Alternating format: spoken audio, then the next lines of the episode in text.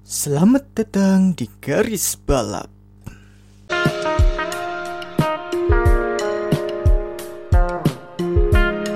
yang diraih cuman tadi aja gue ngeliat dari teknis teknis apa dia mengovertake pesawat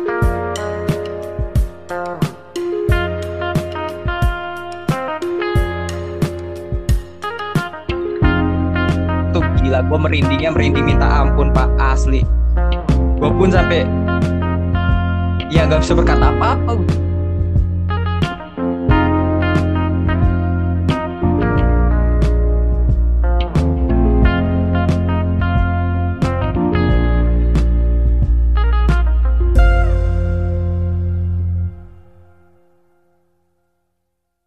Ya, kembali lagi di garis balap bersama Bagus.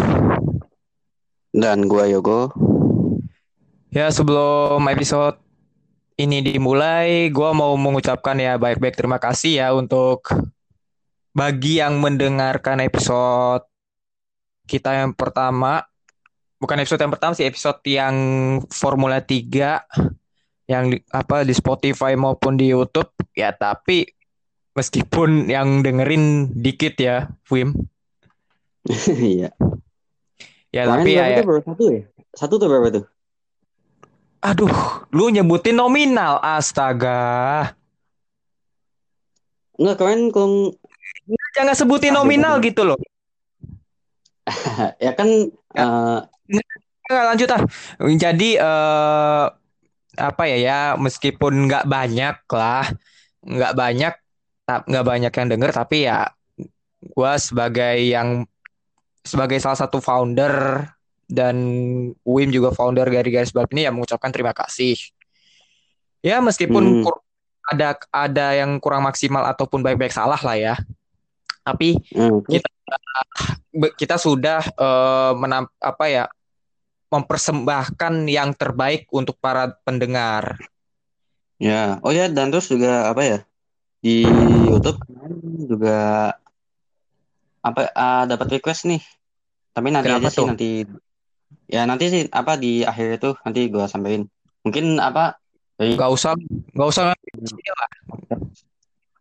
ah, kenapa Gak usah sampai di sini lah. Ini ya udah kita bahas yang sekarang aja udah. Oh iya iya nggak maksudnya gue cuman mau Iya, itu iya. kalau apa ya dari Terbasa-basa main itu tuh yang kita post itu po, apa Hmm, upload di Spotify di YouTube Iya. itu ada yang request tentang ya nanti dah nanti Iya, oke, kalau oke. misalnya itu gue samain Oke, oke, oke. Ngomong-ngomong soal yang terbaik nih, episode kali ini kita ngebahas pembalap Formula 1 yang terbaik versi kita. Tapi ya, meskipun kayaknya terlalu mainstream ya, ngebahas siapa aja pembalap Formula 1 terbaik kan. Kan banyak tuh, ada mungkin Juan Manuel Fangio, ada Jack Brabham, ada Hmm, Emerson Fittipaldi, Niki Lauda, terus ada Iya. Michael Schumacher, ada Ayrton Senna dan Alan Prost dan lain-lain. Itu semuanya yang terbaik ya. iya Tapi tapi kita di sini ya menyampaikan mungkin satu atau dua pembalap ya. Siapa yang menurut kami sebagai eh, penggemar balap Formula 1 yang awam, yang nggak ahli-ahli banget, tapi ya kita yang menyampaikan aja, kita yang menyampaikan opini kami, siapa sih pembalap Formula 1 terbaik yang versi kita gitu sebagai penggemar balap di sini. Gitu aja. iya Nah, gua pindah ke lu nih. Menurut lu siapa yang terbaik di apa eh, untuk pembalap Formula 1 ini? kalau menurut eh eh, sebenarnya nih apa sebelumnya nih kalau masalah terbaik ya Yes. kita eh, nyebutin eh, salah satu aja atau ada beberapa nih yang kita sebut Em, ya kalau bisa sih ya satu. Kalau tapi kalau lebih dari itu nggak apa-apa. Tapi ya tapi masalahnya kan durasi. Kalau iya kalau kalau mungkin eh, mungkin satu aja ya walaupun sebenarnya kalau menurut gua sih maksudnya dari opini gua ya itu ada sepuluhan ada mungkin ya cuman karena durasinya terbatas juga jadi ya gue sebutin satu aja lah Ya boleh tuh. Eh, mungkin gue bakal sebutin pembalap terbaik ya. Ya. Menurut lu yang paling terbaik deh dari ya, di antara juara-juara yang ada di Formula 1. Kenapa dan mengapa gitu? Meng- Mengapa bisa gitu? kalau dari gue ya, dari Iya. gue lebih pilih Ayrton Senna. Kalau yang terbaik di antara beberapa bal- pembalap yang terbaik, apa ya? Eh, terbaik di antara yang terbaik lah. Oke. Ayrton Senna. Kenapa gue pilih Ayrton Senna? Soalnya hmm, gue sih nggak nggak ngeliat dari segi apa ya, dari segi dia podium berapa kali atau menang berapa kali, tapi Iya. yang suka adalah gaya balapannya itu, Iya.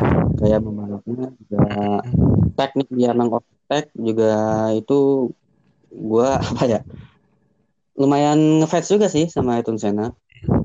Nah, tapi kan kan Ayrton Senna ini kan adalah pembalap yang ada sebelum lo lahir dan dia di masa jayanya itu sebelum lo lahir. Tapi lu- apa ya, lu tidak melihat lu tidak melihat dan tidak menonton dia secara langsung, secara istilahnya apa ya kayak istilahnya lu menonton F1 yang zaman sekarang lah di TV di mana pada zaman dulu. Nah, lu nggak lihat itu secara langsung, tapi Oh iya, iya. dan juga dia meninggalnya lima tahun apa lima atau empat tahun sebelum kita lahir. Nah, kenapa lu bisa suka sosoknya? bener. Apa karena lu lihat dia ta- tadi kan seperti yang lu bilang, lihat dari gaya overtake-nya, lihat dari cara dia bertarung di sirkuit itu luar biasa. Tapi Iya, iya. apa kok bisa kok bisa gitu loh? Padahal lu bukan lahir di zaman dia. Oh, Apa yang lu kagum? ya kan apa ya? Kalau ini sih kalau masa lalu nanya kenapa gue bisa apa ya ibaratnya ngefans sama Ayrton Senna, padahal di zamannya dia gue belum Iya. lahir ya. Kembali lagi, gue apa ya suka Formula 1 itu pertama dari om ya, dari om gue. Yes. Uh, mulai tahun 2006 waktu gue kelas 1 SD Ya, 2006. Itu waktu-waktu Jadi zamannya Schumacher sama Alonso malahan. Nah, iya, iya. Hmm. Temannya itu, nah, si om gua ini memperkenalkan gua sama yang namanya dunia motorsport. Yes. Dunia motorsport, terut- khususnya Formula 1. Yes. Nah, dia dikenalin tuh sama yang namanya siapa? Ya tadi Schumacher, Hmm. terus Montoya, terus ini tadi sama Iya. terus juga pebalap yang sebelum-sebelumnya kayak siapa? Lauda, Ah, terus Jameson, ah, Fangio juga. Nah, di antara itu itu gue lihat itu satu-satu tuh. Maksudnya kan pasti kan ada rekam jejaknya tuh. oh iya pasti. Dia balapan di mana di mana di mana. Nah, apa ya pada sampai pada suatu video di mana memperlihatkan video videonya si Sena nih. Hmm. Nah, mulai waktu itu gue lihat Sena itu hmm, di waktu di GP Jepang kalau nggak salah ya. Itu ada rekamannya ya. Tahunnya tahun berapa? Tahunnya tahun berapa gue lupa. Hmm. Gak inget sama sekali. Nah itu gue liatin, wah ini overtake-nya mantep ini. Apa tuh caranya dia mengambil apa ya ancang-ancang untuk bisa mengovertake lawan itu kayaknya apa ya? Nggak beda banget gitu loh, beda sama pebalap, pebalap lain. Ah, Bahkan Schumacher aja gue apa ya nggak ngelihat.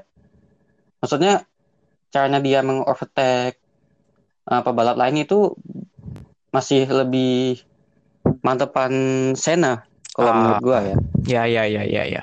Jadi apa ya skill skill apa skill yang si Senna ini punya skill yang bisa dibilang uh, pebalap lain ja- jarang memilikinya gitu. Oh, yang jarang dimilikinya sih sebenarnya bukan skill ya. Kalau gua lihatnya mungkin lebih ke determinasinya dia. Dia lebih ke niat,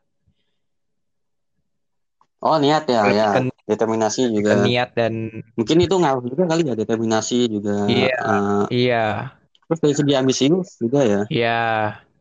Nah, terus sama apa? Uh, satu lagi yang um, bikin gua it- apa ya ngefans banget sama Senna itu ya yang pas itu kecelakaannya dia itu di mana? Kecelakaannya dia di Imola itu.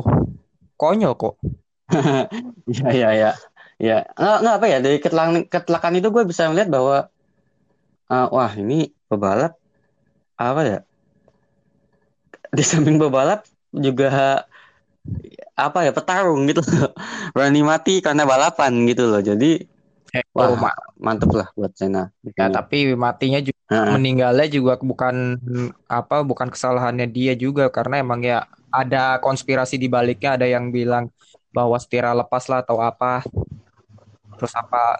Oh Senin lepas? Nah, nah itu nah nah kalau itu gue masih agak-agak nggak itu sih agak kurang percaya sih kalau konspirasi yang itu itu sih bukan konspirasi sih kak tapi dilihat dari apa ya gue pernah baca di ininya apa baca di eh bukan baca sih gue pernah eh, lihat di rekaman video itu dokumentasi gitu bahwa menunjukkan di situ ada telemetrinya bahwa sebenarnya Senna itu waktu dia kecelakaan di Imola itu dia sebenarnya pada saat itu kan ada onboardnya tuh sebelum kecelakaan beberapa detik sebelum kecelakaan. Ya ya ya. Terlihat kalau lu benar Ah, ah. perhatikan di dalam kokpitnya itu em eh apa sih namanya eh di dalam kokpitnya itu di setir ya ada sinyal.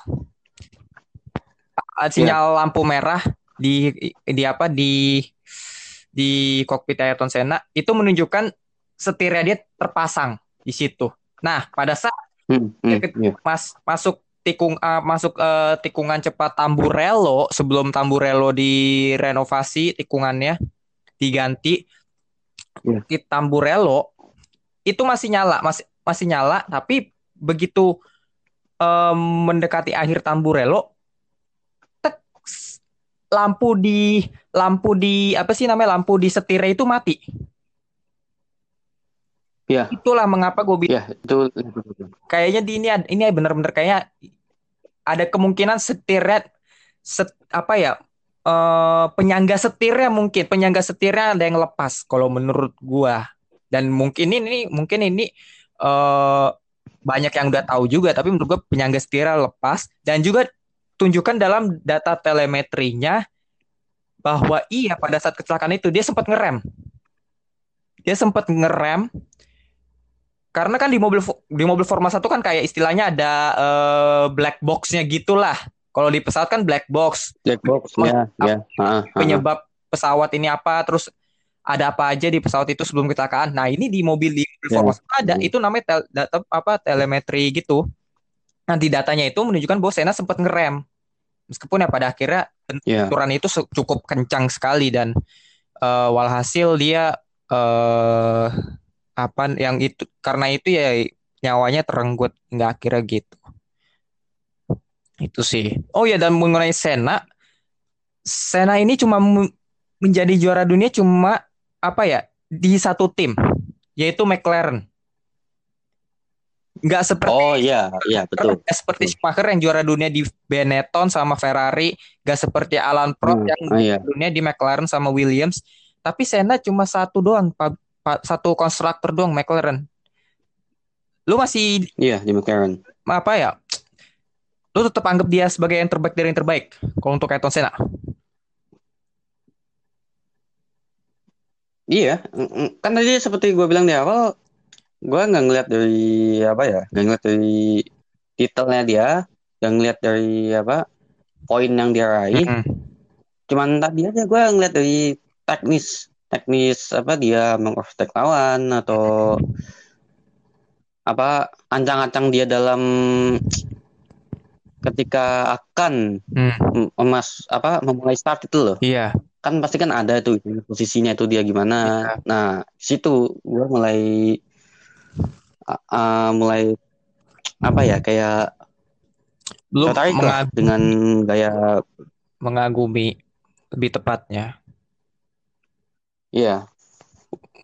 Oh ya terus juga sama waktu di apa tahun waktu gue pertama kali lihat di ketelak apa yang dia retired itu waktu tahun di uh, Formula F1 tahun 88 tuh oh, yang di GP Monaco. Hmm. Nah itu gue agak-agak nggak like juga Wah, itu apa dia bisa momen itu itu kesalahannya dari Senna sih harus gua akui itu ada kesalahan dari Senna Ya. Itu se- Ah. itu salah Sena itu. Makanya waktu dia keluar dari mobil dia terlihat kesal, dia terlihat kayak aduh nih ben- apa ya benar-benar kesal dengan dirinya sendiri dan bahkan nih kalau lu tahu nih Iya.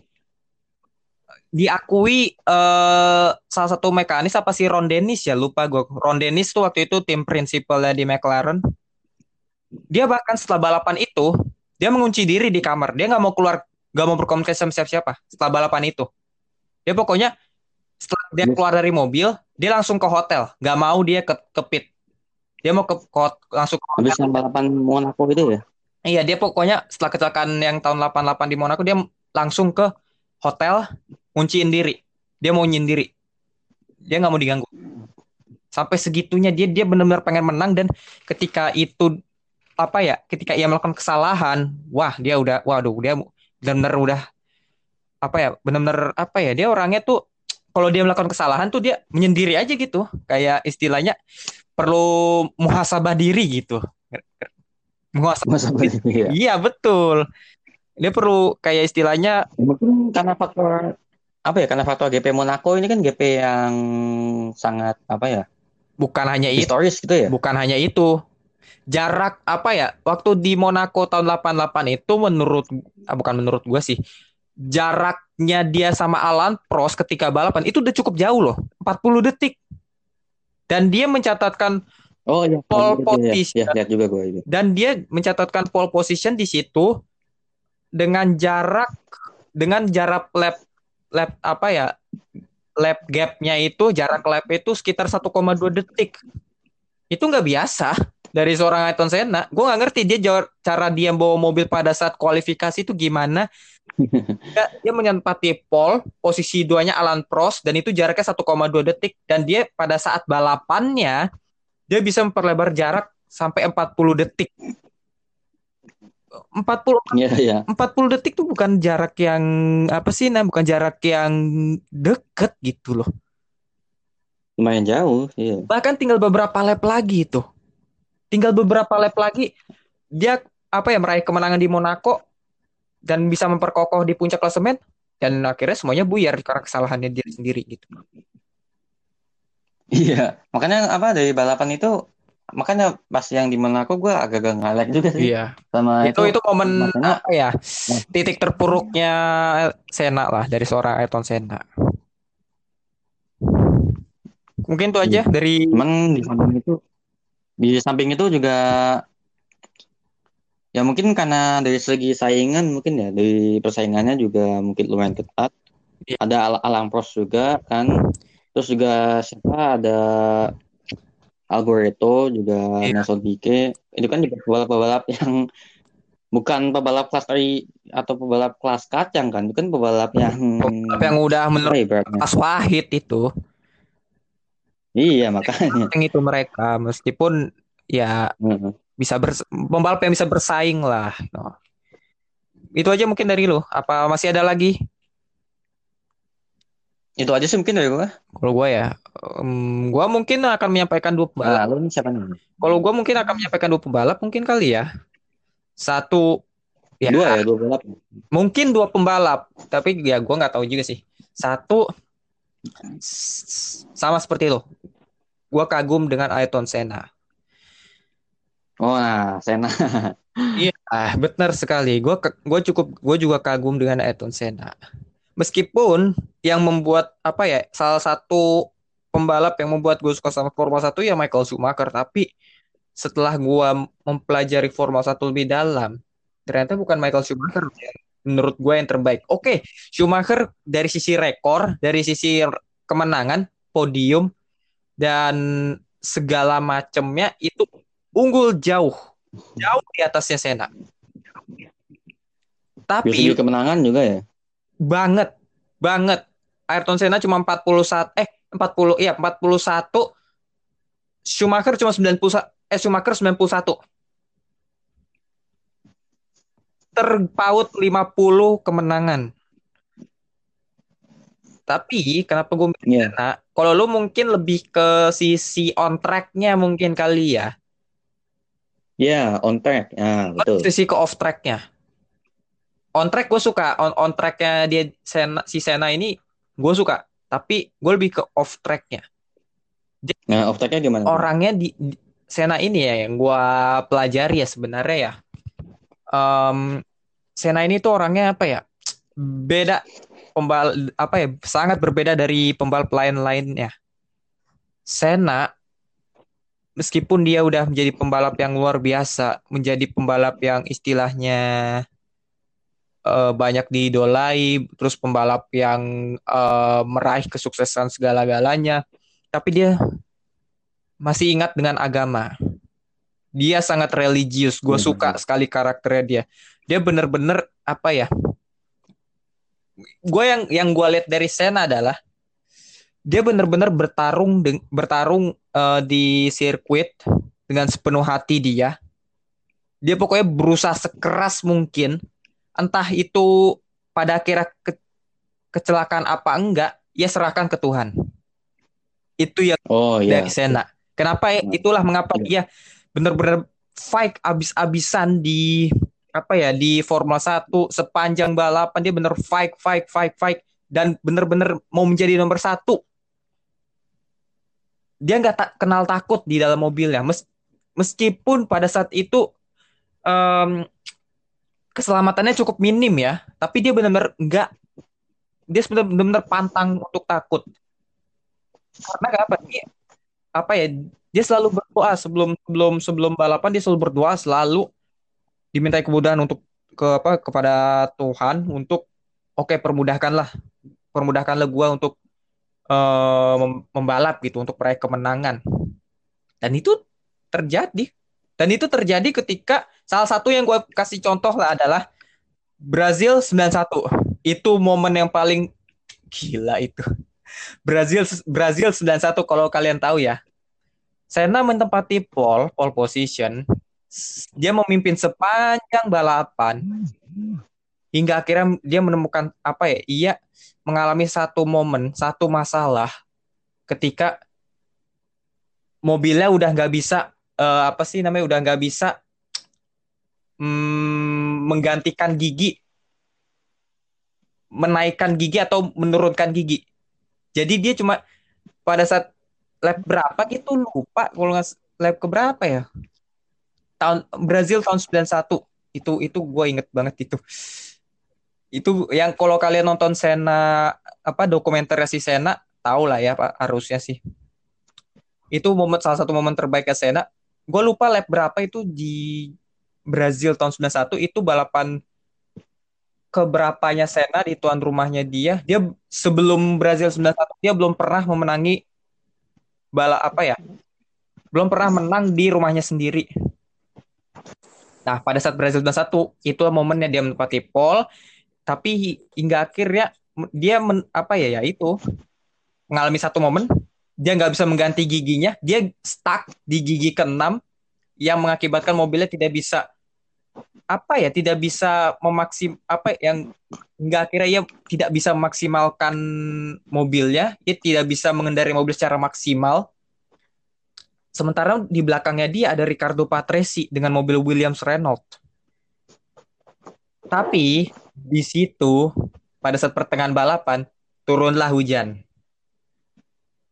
Turun hujan yang mengakibatkan pembalap di belakangnya harus benar-benar sabar dalam uh, memacu mobilnya. Harus benar-benar apa mengurangi kecepatannya karena hujan. Dan ini dan ini membantu Sena banget untuk meraih pertamanya di Brazil. Dan gue denger tim radionya di Brazil tahun 91 gila gue merindingnya merinding minta ampun pak asli. Gue pun sampai ya nggak bisa berkata apa-apa. Dia benar-benar sampai teriak nggak percaya bahwa tahun tahun itu apa ya tahun di Brazil dia bisa menang di tahun 91 itu itu salah satu momen yang gila sih menurut gue sih ya sampai Brazil 91 ya? Iya. Dia bahkan Brazil kan, dan juga bukti bahwa dia berusaha keras di Brazil tahun 91 itu pada saat dia selesai balapan dia uh, menepikan mobilnya. Oh dia kayak apa ya? Uh, meng, apa ya? Dia menepikan mobilnya. Bukan karena ingin apa ya? Selebrasi ke pendukung Brazil tapi karena dia kecapean dia nggak bisa keluar dari mobil.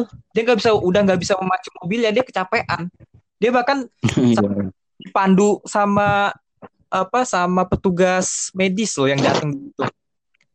Dia benar-benar kelelahan benar-benar exhausted sekali gitu. Ini menjadi bukti ya ya Senat nih bener-bener pertarungnya bener-bener luar biasa asli. Gue gue lihat itu nangis gue pak asli. Itu salah satu momen yang paling bagus sih Sen- Senat itu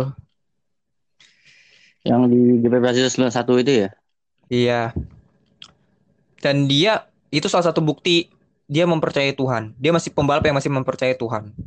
Mungkin bu, bu- mungkin pembalap lain eh ya? bukan mungkin.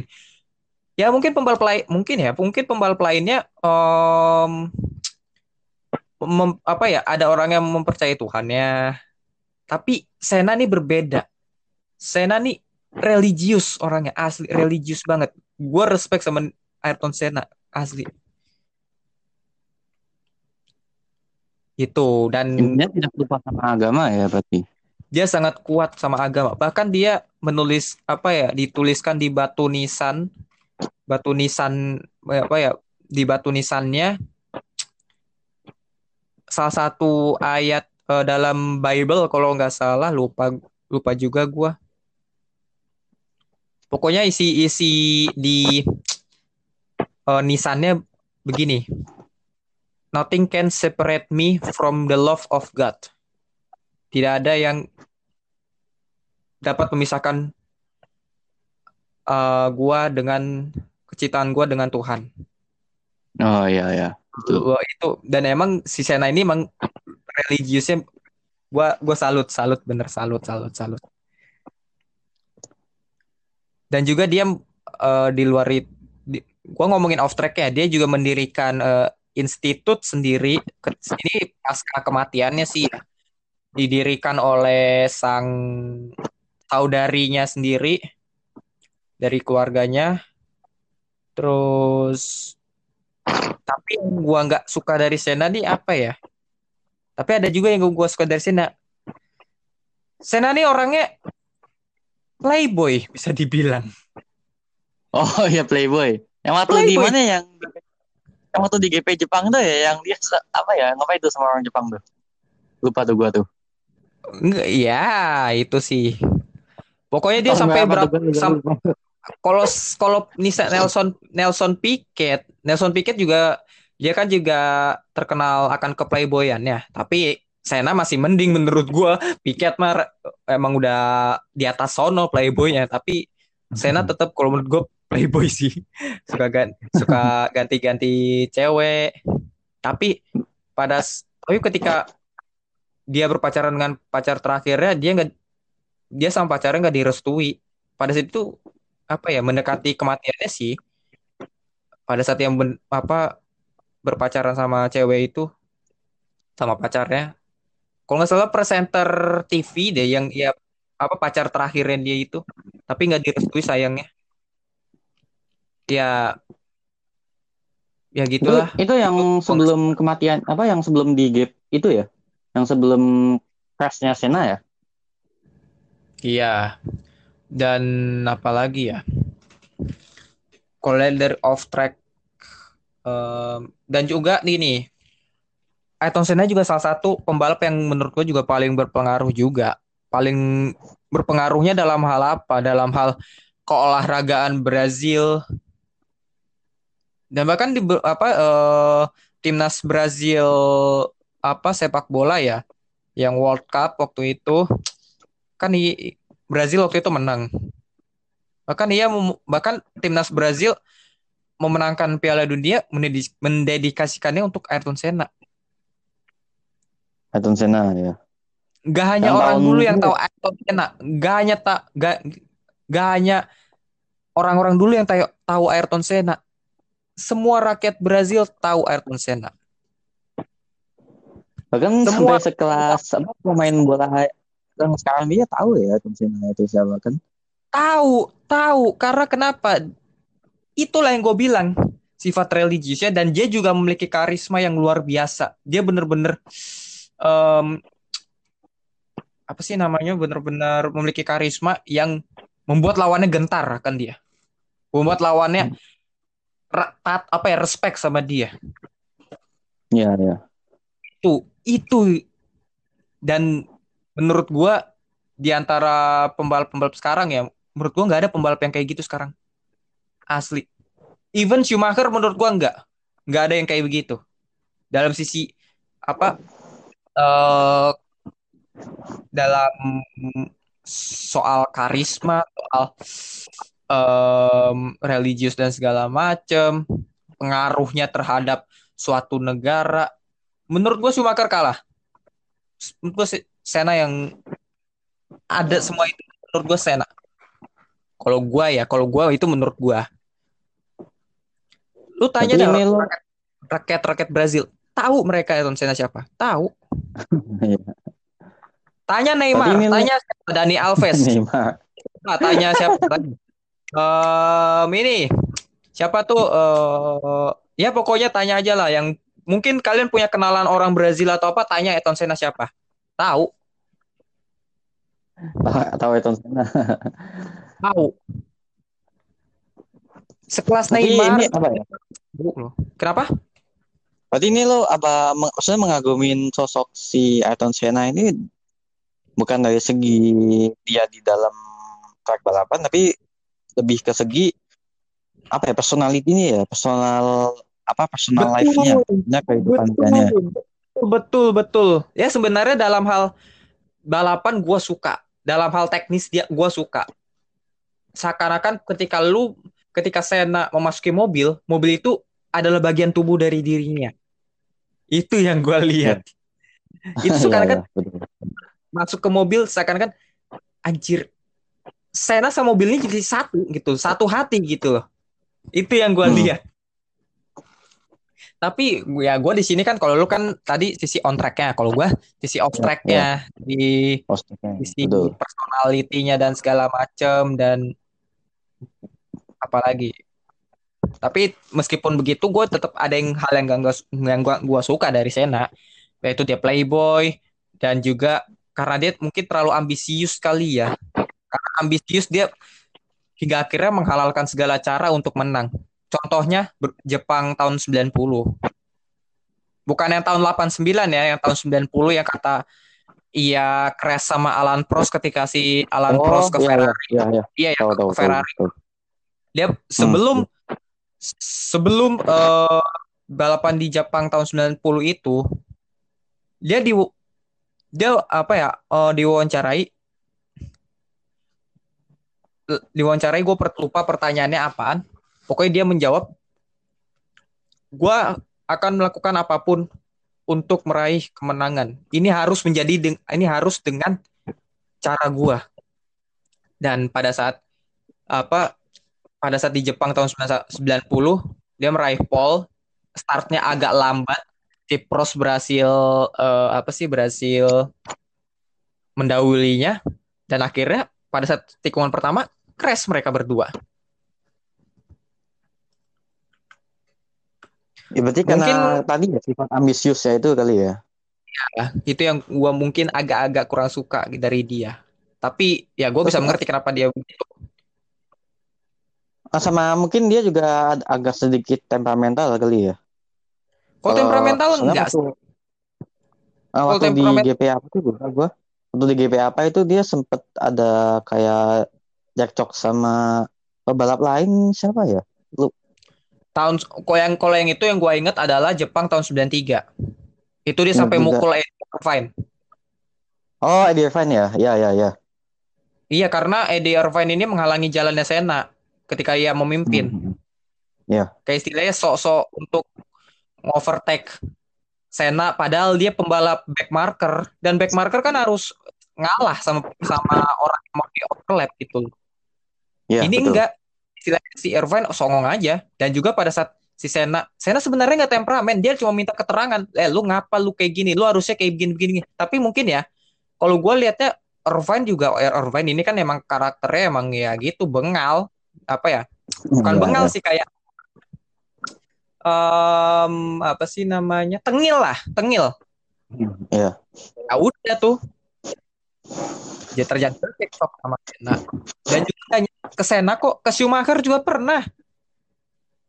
GP Perancis Wah, kalau sama 92. gua kurang tahu deh. GP Perancis 92, lu lihat sendiri. Itu, itu pernah kok sama sama Schumacher juga pernah kok. Ya jadi capek ngomongin Senna karena gua bilang dua pembalap gua kasih satu deh, satu aja ya. Mungkin ini nggak usah banyak-banyak. Ini akan mengejutkan kalian. Bukan orang kenapa apa kenapa gue bilang mengejutkan karena yang gue sebutkan ini bukanlah seorang juara dunia di Formula 1 tapi hampir juara di Formula 1. Menurut gua yang terbaik dari yang apa ya sal, sal- apa ya salah satu yang menurut gua terbaik selain Senna, tapi Senna masih top sih. Menurut gua yang terbaik selanjutnya adalah Gilles Villeneuve.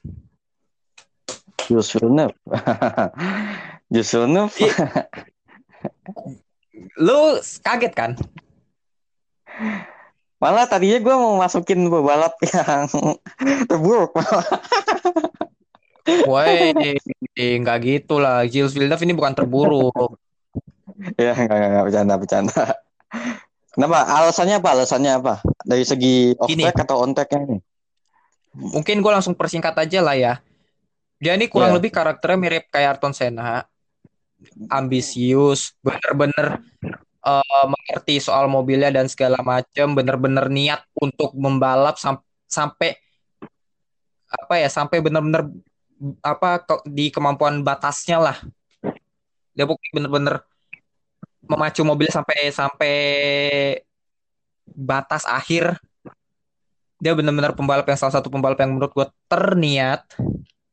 Tapi ya lagi-lagi dia eh meninggal dalam keadaan yang tragis tahun 82 di Zolder Belgia.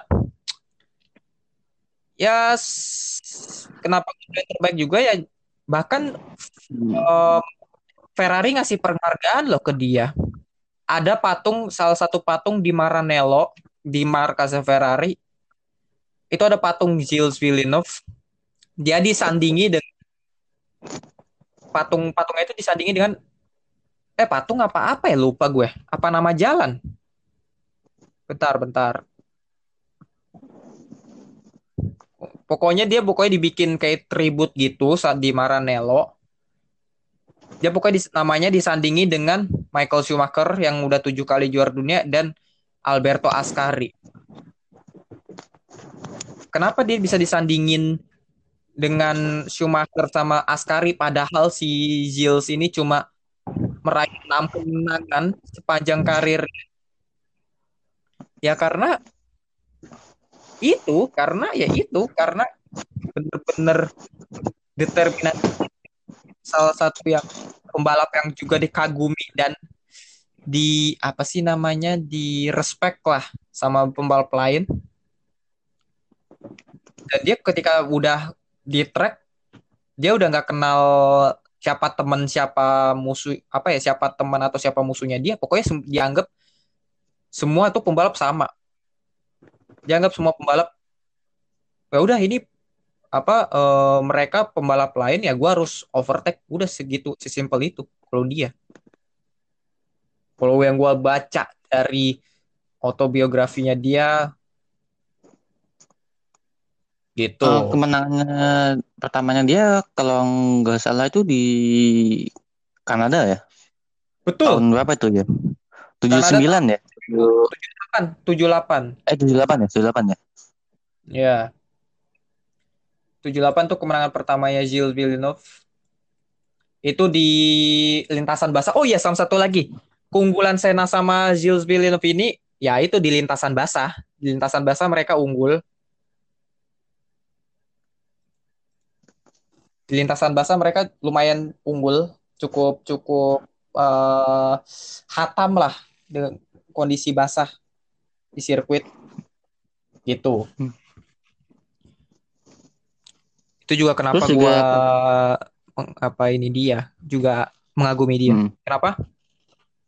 Eh, nggak apa tadi yang kemenangan dia pertama tuh kalau nggak salah eh, sempat ada itu ya duel sama Siapa tuh gue lupa tuh pembalap apa? Enggak, enggak ada duel itu, enggak ada duel itu beda. Yang sama apa pokoknya tahun pertamanya 70 dia itu itu ta- itu, itu tahun 79. Tahu Oh, 79 ya? di Peran di Swiss apa Prancis yang sama Rene Arnoux itu tahun 79 dan Nah, itu iya, tidak iya. meraih kemenangan. Itu tidak meraih kemenangan. Lu tau nggak yang menang pada saat waktu itu siapa? Jabuli. Jabul. Um, itu satu-satunya yang raih tahun itu tuh, si Jabui. itu? Jabul. Iya iya iya. nah yang ini sama apa yang 79 ya yang dia duel itu ya. Iya. Di di tahun 79 si Gilles Villeneuve hampir juara di- karena dia eh, mematuhi at- mematuhi instruksinya dari Enzo Ferrari untuk siapa yang pembalap apa ya siapa yang eh, paling duluan menuju tikungan pertama selepas start ya dialah yang paling berhak untuk didukung. Nah, kebetulan yang ini si Jody Scheckter kan? Waktu itu rekan timnya Jody Iya, iya. Scheckter di Ferrari. Kebetulan pas, pas start yang paling duluan di tikungan pertama tuh Jody Scheckter. Tapi Jo- Jody Scheckter tuh pengen balapan sama si Gilles Villeneuve pengen ada apa ada balapan lah sama Gilles Villeneuve gitu loh. Bagi hiburan aja tapi si Gilles Villeneuve tetap Iya. patuhi tetap tetap ini tetap patuh sama apa yang diberi apa apa yang disampaikan Enzo Ferrari ketika itu. Ya ya betul. Di Italia nama Gilles dianggap sejajar dengan Alberto Ascari dan Michael Schumacher. Meskipun sampai akhir hayatnya ya Gilles nggak pernah juara dunia. di Mor di Anello itu sejajar. Oh ya patung perunggu ya bener patung perunggu di pintu masuk. Kalau nggak salah di pintu masuknya sirkuit eh, Fiorano tesnya Ferrari. Itu aja. Mungkin lu ada tambahan lain, Win? Gue capek anjir. Gua Gila, sampai- ah, mungkin paling ya Tunsena. Ya paling kalau tambahan lain ya paling Alang Ross sih mungkin ya. Iya, si pinter. Profesor. Heeh. Itu pun Pokoknya podiumnya kalau gue sih lihat sih dari podiumnya sih udah lumayan banyak juga sih. Udah 100 Lumayan sekian gitu, podium. ya. bukan lumayan itu memang banyak, Pak. 100 berapa ya? Banyak 100 Itu. Iya. Ya mungkin berapa mungkin itu aja, Wim. Udah lumayan. Iya. Udah berapa menit Udah- nih? Wih, 42 menit. Buset. Apa? Itu mungkin sih menurut gua. Apa? Dari gua, Nah, Ayrton Senna. inilah enaknya ketika kita eh, apa sih namanya rekaman di apa di podcast daripada di Zoom. Kalau Zoom, aduh ini waktunya berapa ya? Gua harus lihat-lihat waktu ini Bu. waktu dulu nih kayak istilahnya ada batasnya karena kita kan juga waktu itu pakai yang gratisan kan jadi ada batas waktunya 40 menit Iya. tapi kalau ini ada batasan sebenarnya pengen sih gue pengen iniin satu jam tapi ya enggak lah nggak usah lah jangan lama-lama lah gitu ya Iya. Oke, mungkin itu aja dari gua bagus ya. Obrolan kita cukup panjang juga. Panjang dan menarik gitu ya. Insya Allah menarik ya menarik mak. Tergantung sih. Tergantung yang denger dengan ini menarik apa kagak gitu aja. Iya, yang kalau misalnya, kalau- kalau misalnya yang dengar yang nggak ngerti motorsport sama sekali ya nggak ada menariknya sama sekali. Anggapnya bosen. Anggapnya eh lu siapa lu? Nggak tahu motorsport ngomongin sosokan motorsport. Ya suka-suka gua lah. Gua mau menyampaikan apa Gua juga tahu motorsport daripada lu. Ya, enggak lah kayak gitu juga. Tapi apa ya? Iya iya. tapi apa ya ya kita bicara ya suka-suka kita gitu kita bicara tapi tetap berdasarkan fakta yang ada gitu loh opini kita kok Iya betul betul. Hmm betul betul. ya mungkin itu aja dari gua ya dari garis balap capek juga teriak-teriak gini sambil megang mic sialan emang Em, Kalau pakai mic ya, gue nggak pakai mic sama sekali nih. Bukan ya mic-nya di headset pak